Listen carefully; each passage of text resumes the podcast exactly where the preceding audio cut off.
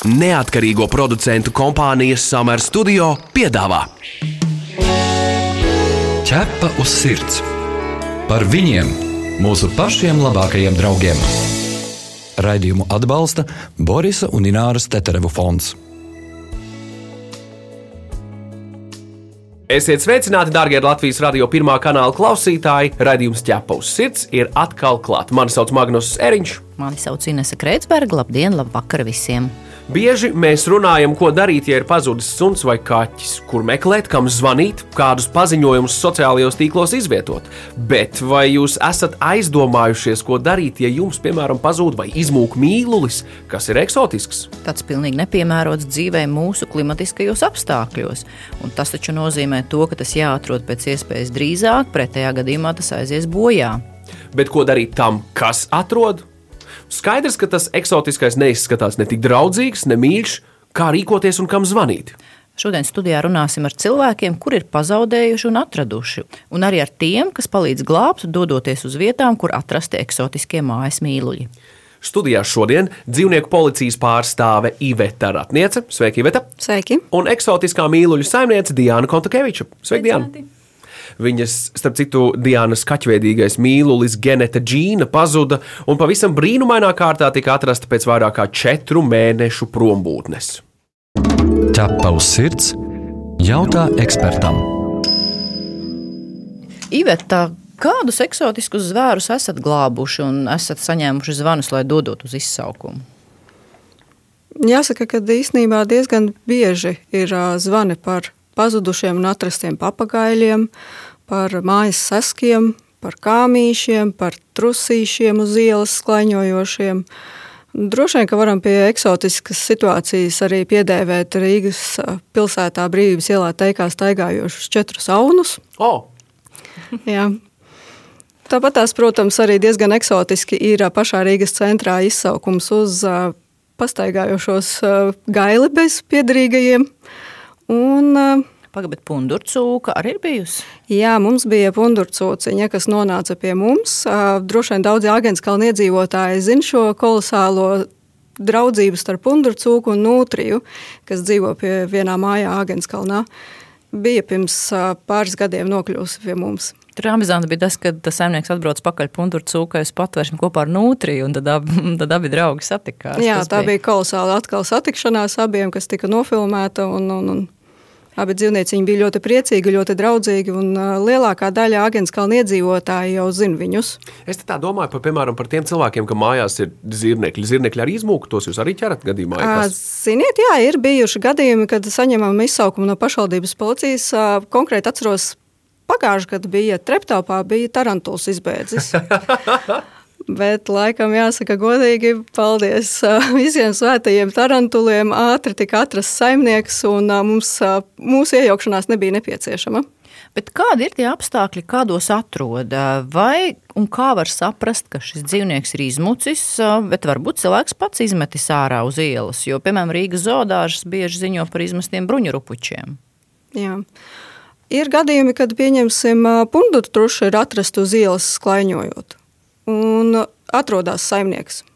Tie gadījumi, kad cilvēkiem pazūd maidzīvnieki, jo gan eksotisks, gan mums pierastais vienkārši suns un kaķis, kādam mājās viņš ir maidzīvnieks, mīļdzīvnieks. Un situācijas ir dažādas. Viņi mēdz pazust netīšām. Kaut kur izšmauts ārā, vai tiek attaisīts kāds voljēra durtiņas, vai nu, dažādas situācijas notiek. Un, uh, ir ļoti, ļoti forši, kad uh, tie saimnieki uzrādās un um, tas dzīvnieks dodas mājās savā ierastajā vidē. Par otru gadījumu, kad dzīvnieki diemžēl tiek izmesti, diezgan daudz tie gadījumi. Nu, tur neviens atpakaļ neatnāk. Trakākie droši vien, kad augstajā gada laikā tiek atstāti būrīši uz uh, miskastēm, uz miskastes cvertnēm, ar iekšā vai ar dekoratīvām žurciņām, vai ar trusīšiem, vai ar kāmīšiem. Jā, bet tie ir gadījumi, kad ir būris jau. Jā, tā kur kā cilvēks būris? neko neriskē, paņemot šo būri un kaut kur aiznesot, izglābjot. Vai arī ir, ir tie baloži kāzu, kas ir, nu, piemēram, ļoti daudziem joprojām, diemžēl, liekas fantastiski pasākumos izmantot baložus, bet daudz jau nezina to, ka tie baloži jau nemaz neaizlido. Trīs metrus un turpat aiz kalna vai aiz, vai ne, aiz kokiem nu, nokrīt.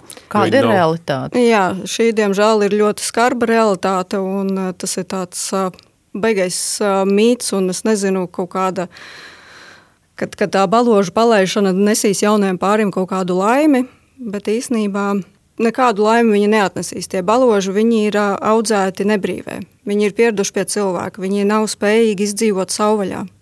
Tiklīdz viņus palaiž, pirmkārt, viņiem ļoti lielu stresu rada tā palaišana gaisā, tā uzmešana, kas viens var jau satraumēt to balodi. Otrs, viņš pēc tam aizlido kaut kur pavisam netālu, ja nav kaut kāda stipra vēja plūsmas, un viņš nolaižās un sēž un gaida cilvēku tas, ka viņš ir gaišs, balts, viņš ir košs un viņš ir ļoti pamanāms plēsējiem. Viņš ātri var aiziet bojā. Mums bija pavisam pēdējais balodis bija februāra beigās, vecrīgas tuvumā, ko garām gājējs pamanīja vienkārši sēžot putenī. Diemžēl tas jau bija viens balodītis. Bet pateicoties tieši garām gājējiem, kuram nebija pilnīgi vienalga un kurš nepagāja garām, domājot, ah, ok, tas ir balodis, Baložas pilsētā, mums Rīgā dzīvo simtiem gadu. Sazinājās ar mums, atsūtīja mums video, mēs konstatējam, ka tas tiešām ir tas dekoratīvais balodis, kāzu baloži, un paņēma pie sevis, līdz mēs atbraucām siltumā. Bet tad kā pareizi būtu rīkoties tam cilvēkam, kas atrod kādu eksotisku māju dzīvnieku uz ielas vai kaut kur pilsētvidē? Nu, teiksim, par to pašu balodi. Jā. Nu, piemēram, jā, par kā? tiem pāriem zvariem mazliet vēlāk, bet, nu, piemēram, atrod to pašu balodi. Jā. Nu, es zinu, ka es viņu pie sevis mājās īsti nevaru. Nu, tev ir kaķi, loģiski, man arī ir kaķis. Jā. Tas būtu uzreiz, tas būtu slaktiņš, to mēs negribam. Bet ko mēs varam darīt? Nē, nu, vispirms būtu jādomā tieši tā, nevis jārīkojas, bet vispirms ir jāpadomā. Pēc tam meklējam palīdzību. Droši zvanam uz diennakts telefonu numuru ķērājiem. Ja nezinām, varam droši zvanīt vietējai pašvaldības policijai. Viņi savienos vai uzzvanīs paši ķērājiem, ar ko ir līgums attiecīgajai pašvaldībai. Un tālāk jau seko komunikācijas starp dispečeru un starp dzīvnieku atradēju. Tagad tās mums ir superīgs laikmets, mums ir kolosālākie ieroči. Tie ir telefoni mobīlie ar kameru. Un pat ja cilvēks nespēja izskaidrot, ko viņš redz, kas īsti tas pa dzīvnieciņi ir, vienmēr var atsūtīt dispečeram fotografiju vai video. Un, tad mēs ātri cenšamies tikt skaidrībā, kas tas par dzīvnieku, vai viņš ir savainots vai nav, precizējam, kurā vietā. Un tad jau tālāk komunikācija ar atradēju, ko darīt. Šajā gadījumā ar balodi kāzu viņi ir tik ļoti pieraduši pie cilvēka rokām, viņi neko citu nezina. Cilvēks vienkārši tas vīrietis paņēma, ielika kastītē un aiznesa līdz savai kaimiņienei, jo pats devās projām, kas piekrita viņu paturēt siltumā, nevis ārā putenī, līdz ieradīsies mūsu ķērājs. Tavs sirds skaidro faktus. Diana, skaidrs, ka tu esi pārdzīvojusi daudz, bet pirms tu stāsti savu stāstu par ģenētu, izstāsti, kas tā geneta tāda ir, par ko mēs iespējams viens otrs pirmo reizi dzīvē kaut ko dzirdam. Nu, Genets ir tāds um, civetkaķu paveids, uh, maziņš, diezgan maziņš, kilograms līdz kilograms 500 smags, uh, ļoti aktīvs, uh, veikls dzīvnieciņš. Nu, vairāk atgādina tā kā seska un kaķa krustojumu. It kā kaķis, bet garāks ar garu asti, ļoti simpātisks. Bet ļoti nešpatns dzīvnieks. Kurš skrāpē, ķeras kājās, mēģina, nezinu, miegā nogalināt tevi? Ko viņš dara? Nē, nē, viņi nelec virsū cilvēkiem un nav tā kā bīstama no tāda viedokļa, bet viņa sevi aizsargā un no dabiskā viedokļa viņu savvaļā bieži ķer šie plēsēji putni, tāpēc viņa ļoti aizsargā savu ķermeni, viņa nevar noglāstīt, viņai nevar pieskarties. Ja? Viņa uzreiz ļoti žiperīgi reaģē ar asu kodienu. Diana, pastāstīja, nu kas tad beigu, beigās notika ar tavu eksotisko zvēriņu? Nu, tas tās ir garš, bet nav īsti laika visu pastāstīt. Uh, Mēs nezinām, kas notika, kā viņi nokļuva savvaļā, jo um, īsti pierādījumu mums nav. Tāpēc uh, nevar nevienu nevainot, ne neko, bet viņai kādā vakarā, vienā vakarā, kad mēs nebijām mājās, atgriežoties mājās, es konstatēju, ka voljera durvis ir pilnībā atvērtas. Nu, te var minēt, vai tur bija kāds mēģinājis zakt vai vienkārši izlaist, es nezinu. Bet ar šo momentu sākās pārdzīvojums par genetu. Uh, cik ilgi tu meklēji un kādas darbības tu veici, kam tu ziņoji, ko tu kā tieši tā? Nu, principā, uzreiz, ko es darīju, pirmais. turpināja likt ēdienu, jo, ja viņa vienkārši tika izlaista, mana ideja bija tāda, ka viņa ir pieradusi saņemt konkrēti laikā ēdienu un konkrētā vietā ēdienu. Tātad viņai vajadzētu tā atgriezties un paēst atkal savā vietā un aiziet gulēt savā mājā, jo viņa konstanti gulēja vienā vietā, bet tas nenotika. Un tad es sāku gaidīt ziņu sociālajos medijos, bet es pati neizliku ziņu, un tam bija tāds noteikts um, iemesls, kāpēc es to nedarīju, lai cilvēki viņu ieraugot, kā reiz paši nemēģinātu viņu ķert lai viņi ieraugot, ziņotu kādai patversmei vai, vai Facebookā, vienalga, bet lai paši fiziski nemēģinātu ķert, jo dzīvnieks viņš ļoti simpātisks un viņš tiešām maldīgi izskatās jauks. Un es baidījos no šī fakta, ka cilvēki mēģinās paši viņu noķert. Un tas šo dzīvnieku izbiedētu vēl vairāk. Nu, tātad pagāja četri mēneši. Es cik saprotu, tu tās visas cerības jau biji zaudējusi. Kas notika tajā liktenīgajā vakarā? Pa šiem četriem mēnešiem kāds bija viņu pamanījis, un divreiz mēs viņu mēģinājām kā, ķert. Pirmā reizē mēs novēlot saņēmām informāciju, un mēs likām tikai viņas māju vietu un ēdienu, bet bija pa vēlu.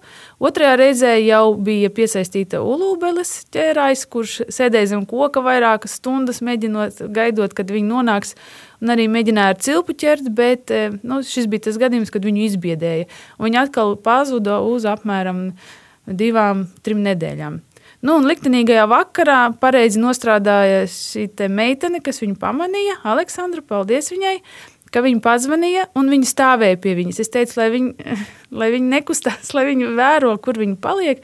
Ļoti svarīgi mums zināt konkrēti, kur viņi ir. Nu, un tad, kad es ierados, um, nostrādāja otrs moments, viņas mīļākais ēdiens pelītes. Ja, Jo tad, kad ieradās Ulūbeli ar ķerambūru, mēs ielikām, jau likām to peli būrī. Tad viņa jau nevarēja sagaidīt, kā viņa tiks iekšā tajā būrī pēc savas pelītes. Puisim pat bija mazliet bailes attaisīt tos vārtiņus, jo viņš laiku gaidīja tik tiekšā. Un burtiski uzreiz, tiklīdz mēs attaisījām vaļā to kā, ieeju, Viņi ieskrēja pēc tās spēles, un būrs viņu noķēra. Nu, tas bija sekundes jautājumi. Bet viņi tik ļoti gribēja ēst un tik ļoti gaidīja to savu pelīti, ka šis bija mūsu tas, kā, galvenais bonus. Tu esi mans draugs, ķepus sirds. Nu, tad uzreiz jautājums uh, dzīvnieku policijai. Kā jūs atceraties šo vakaru? Jā, tas vakars uh, mums visiem tikko ieraugot izsaukumā video un atpazīstot, ka tas ir tas dzīvnieciņš, ko tik ļoti jau labu laiku cenšas noķert. Un, uh, pavisam nesen bija manīts salīdzinoši netālu mežciemā. Uh, bija tāds elpu aizturošs pāris, nebija pat stunda, man liekas, kaut kāds mirklis, kad ar cerību kaut nu beidzot izdotos, kaut tiešām izdotos. Un izdevās, un jāsaka godīgi, uh, gavilējām mēs visi, vēl nākošā dienā, jo, jo patiešām ir ļoti liels prieks, ka tie dzīvnieki, it sevišķi tik reti dzīvnieki, kuri nav kā suņi un kaķi, kuri ir kā, nu, ļoti tendēti uz cilvēkiem, uh, kad viņiem izdodas atgriezties savā mājās pie savas ģimenes. Glābēja, jeb ziņotāja Aleksandra visu izdarīja vienkārši perfekti. Cepuri nost viņai. Viņa sazinājās ar mūsu dispečeru. Lai gan pirmajā mirklī meitene nesaprata, kas tas ir par dzīvnieciņu, ko viņa redz un kā viņu īsti noraksturot, Šeit nostrādāja tas moments, par ko es runāju, par mobiliem telefoniem, par WhatsApp, par video vai foto. Tas palīdz uzreiz dispečeram ātrāk orientēties, kas tas par dzīvnieku. Un par cik mums jau bija Diānas kontakti, un mēs zinājām, ka dzīvnieks viņš ir pazudis un ne pirmo reizi centāmies viņu noķert. Varējām arī uzreiz sazināties ar Genetas ģīnas saimnieci. Ķerpaus sirds diskutē. Man ir jautājums, kā tev liekas, kas ar šo genetu tavējo bija noticis četru mēnešu laikā, kā viņa no Cernikavas varēja tikt atrasta teikā? Tas tomēr arī ir nu, distance pietiekama. Kā tev liekas, kā viņa tur nokļuva? Kāda tev versija pa vidu tomēr ziema barga? Nu, tās versijas man ir dažādas. Man arī neviens nav pastāstījis to īsto. Bet, nu, principā arī es pati varētu četros mēnešos apsteigāt šo rajonu. Ja? Geneta tomēr diezgan ātrs un veikls dzīvnieks, un es neredzu problēmu viņai aiziet. Bet kas viņu mudināja doties tieši pilsētas virzienā, kur cilvēki, mašīnas, trokšņi, ja, kāpēc viņa nedzīvojās vairāk kaut kur savvaļā, jo viņi jau var noķert peles un var noķert arī mazus putniņus un citus dzīvnieciņus. Ja, rudenī tur kaut kādas čūskas, kas viņa labprāt ēstu. Bet kas viņu mudināja doties uz pilsētu? Nu, varbūt um, kā versija ir atkritumi, ja, jo atkritumus mēs izmetam daudz, tās miskas tas ir bieži sastopamas, smaržo, ja priekš viņiem, ja priekš mums smird. Un kad viņi tā kā vairāk pēc smaržas vadījās uz to virzienu. Bet e, var jau būt, ka viņi ielīda kādā mašīnā, nakšņot siltumā, un tā mašīna viņu aizvizināja kaut kur. Arī tāda versija pastāv, bet kā tur īstenībā ir, nezinu. Atgādinām, ka mums studijā šodien ir dzīvnieku policijas pārstāve Iveta Ratniece un eksotisko mīluļu saimniece Diana Kontakēviča. Mēs runājam par to, kā meklēt pazudušu eksotisku dzīvnieku. Šo radio pārraidi varēsiet dzirdēt arī podkāstu formā populārākajās straumēšanas vietnēs, kā arī arhīvu sadaļā mājaslapā www.ķepaus LV. Tu pazīsti kādu īpašu dzīvnieku draugu? Tavs kaimiņš vai kolēģis palīdz nelaimē nonākušiem suņiem un kaķiem? Varbūt kāds suns vai kaķis izmainīs tavu pašu dzīvi. Raksti mums, un mēs pastāstīsim šo sirsnīgo stāstu pārējiem klausītājiem. Iedrošināsim arī citus izdarīt kādu labu darbu. Gaidām jūsu vēstuli uz info atķepa uz sirds LV lai kā man patiktu genetas, tas nav vienīgais zvērs, par kuru mēs šodien jums stāstīsim. Ir, ir, ir vēl kāds stāsts par kādu izglābtu eksotisko dzīvnieku. Sandrs padalījies ar stāstu, un viņam izbēga, neticēsiet, skorpions. Man bija, nu, tas ir gadus atpakaļ, es nopirku skorpionu. Un pēc kaut kādām burtiski nedēļām, divām, trijām, es skatos, ka nu, kā, tam skorpionam uz muguras ir tāda tā kā balta, kaut, mazi, kaut kas tāds mazīgs, tā kā balts uz muguras. Nu, paiet vēl divas dienas, skatos uz tās muguras, ir tādi mazi balti, tā kā skorpioniņi. Nu, respektīvi, es esmu nopircis mātīti, un viņai piedzimuši tie skorpioniņi. Viņi visi viņai uz muguras guļ. Nu, un kaut kādas nedēļas, pusotra, divas, viņi to skorpionu tur tā kā bišķi tā kā paaugās, paaugās, un tad tā mātīte viņus pa vienam apēda. Nu, laikam, ka tā notiek, es nezinu, dabā vai kaut kas tamlīdzīgs. Un man bija darbiniece, kurai bija maza meita. Tā mazā meita bija kaut ko skatījusies, tos mazos skorpioniņus un to lielo, un atstājusi būrīt vaļā. Un, respektīvi, no rīta mēs atnākam, un tā skorpiona nav. Nu, nav skorpiona. Nu, protams, arī mēs izrakājām visu telpu, visu iespējamo. Tur es zvanīju tam cilvēkam, no kā es viņu pirku. Es prasīju, no ko man darīt, kur man viņu meklēt. Ja viņš jau nav reāli indīgs, tas bija tas melnais. Es nezinu, kā viņš, kas viņš tāds ir, bet nu, faktiski tāds viņš nav indīgs. Tur tā kā no bites vai lapsenes kodums tāds. Bet nu, viņa nav viņa.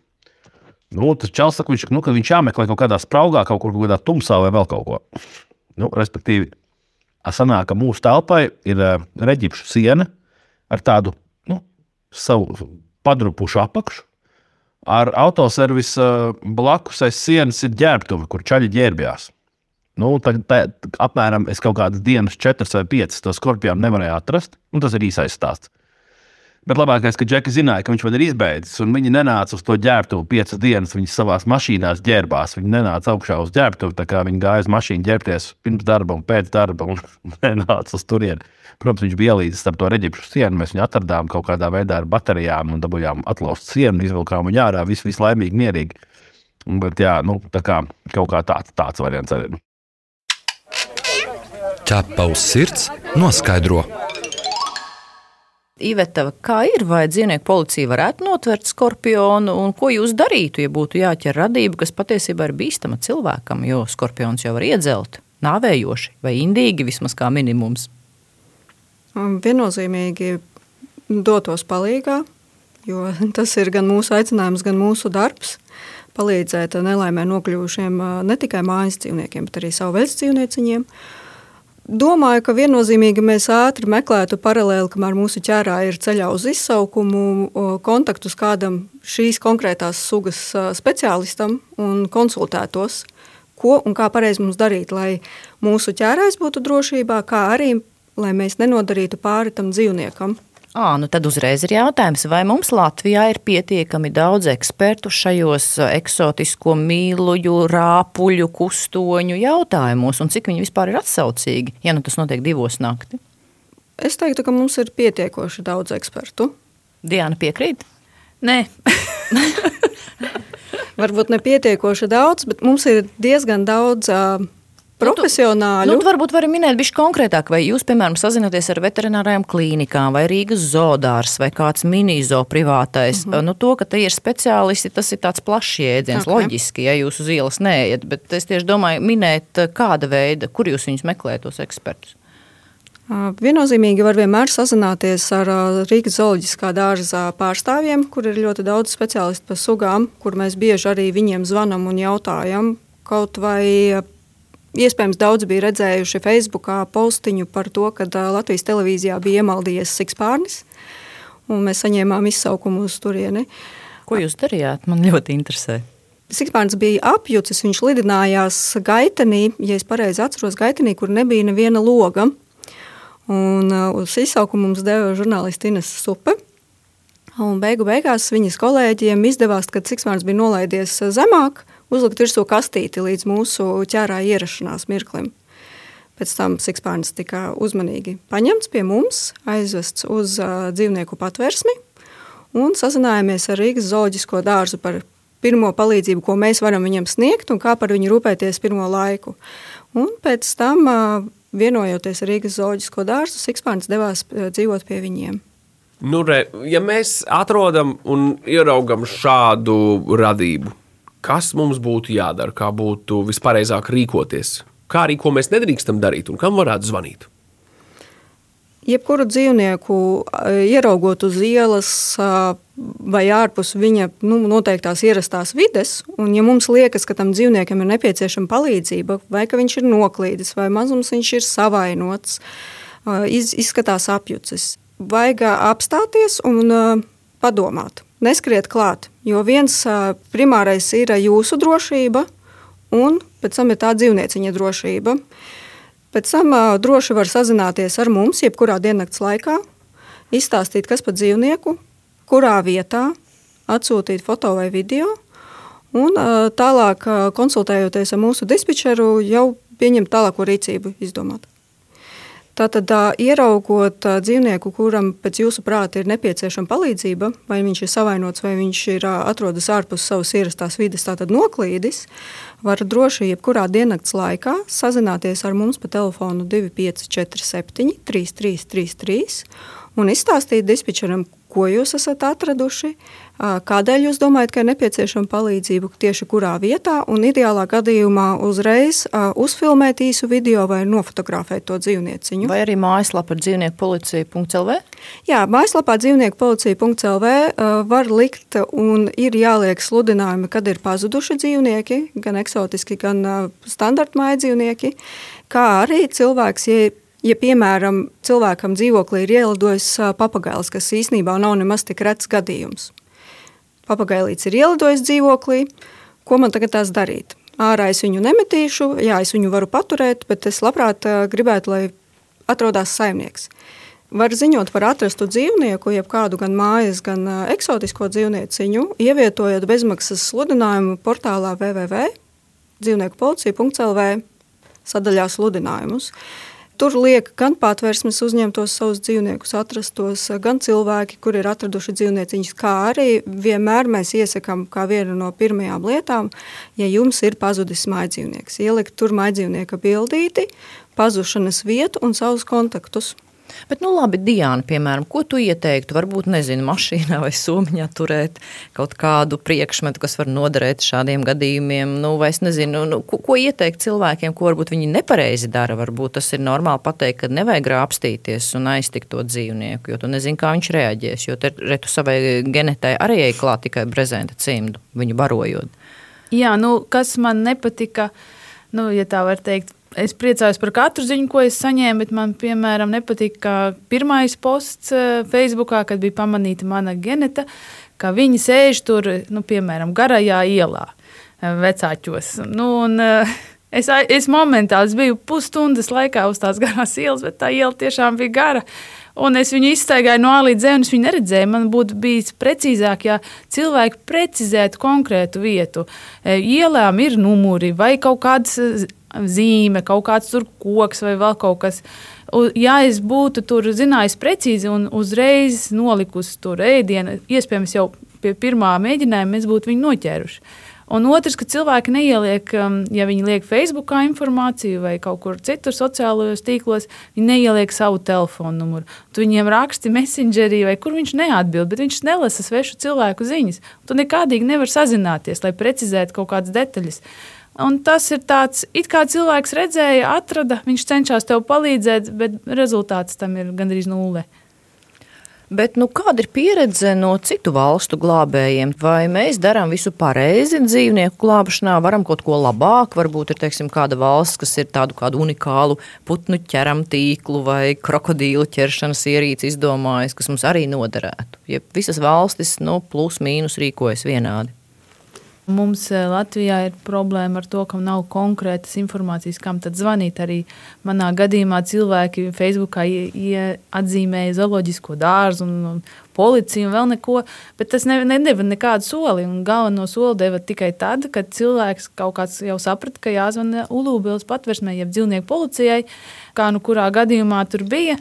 Bet eh, jā, ka mums nav īsti skaidrs saprotams kaut kāds četru ciparu numurs, kur cilvēki zinātu, ka, ja viņi atrod vienalga, pat ja tas nav eksotisks dzīvnieks, vienkārši suns vai kaķis, ka viņš pazina šo numuru un dod informāciju.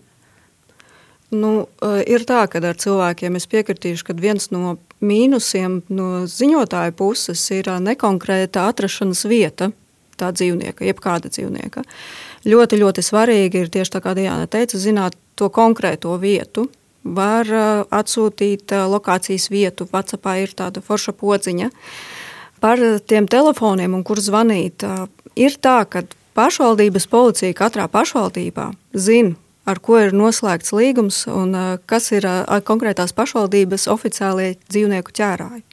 Līdz ar to ļoti bieži cilvēki zvana nevis mums, bet viņi zvana policijai vispirms. Un tad mēs saņemam caur policiju izsaukumu. Vai nu policija paša aizbrauc apsekot uh, to situāciju ar to dzīvnieku, vai uzreiz mums uh, dod izsaukumu, un tad mēs braucam. Bet uh, kaut kā vairāk vai mazāk viņi vienmēr atrod veidu, kur griezties un lūgt palīdzību. Tie sludinājumi un, un tie postiņi Facebookā, viņi ir forši, bet viņi kaut kur visur pazūd vairāk vai mazāk ieliek, un, un vai viņš ieliekās uzreiz tajā mirklī, tajā grupiņā, tas, kur ir atradis cilvēks dzīvnieciņu vai pazudis.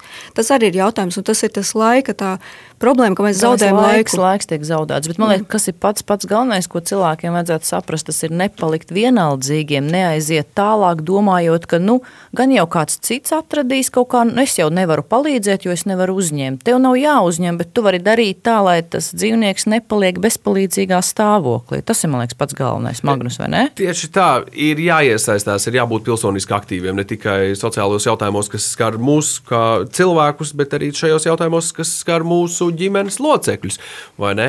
Un ne tikai. E, Diana, noslēdzot, tu biji gribēji ko teikt? Jā, es vēl gribēju pieminēt to, ka arī pēc tam, kad jau Dženeta bija mājās, es saņēmu informāciju, ka mēs viņu redzējām tur un tur un ar visām bildēm, ka cilvēki bija viņu redzējuši, bet nekur nebija ziņojuši.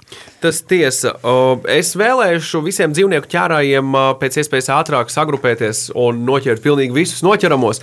Un, un, un vienu dienu novēlu tik tiešām vienu trīs ciparu telefonu numuru numuru, kam piezvanīt gadījumā, ja ir problēma ar māju dzīvnieku vai, vai tādā vai citādā veidā. Mīļš, paldies par viesošanos šeit dzīvnieku policijas pārstāvēja Ivetai Ratniecei un eksotisko dzīvnieku uh, saimniecei Diānai Kontakevičai. Paldies par sarunu! Paldies! paldies.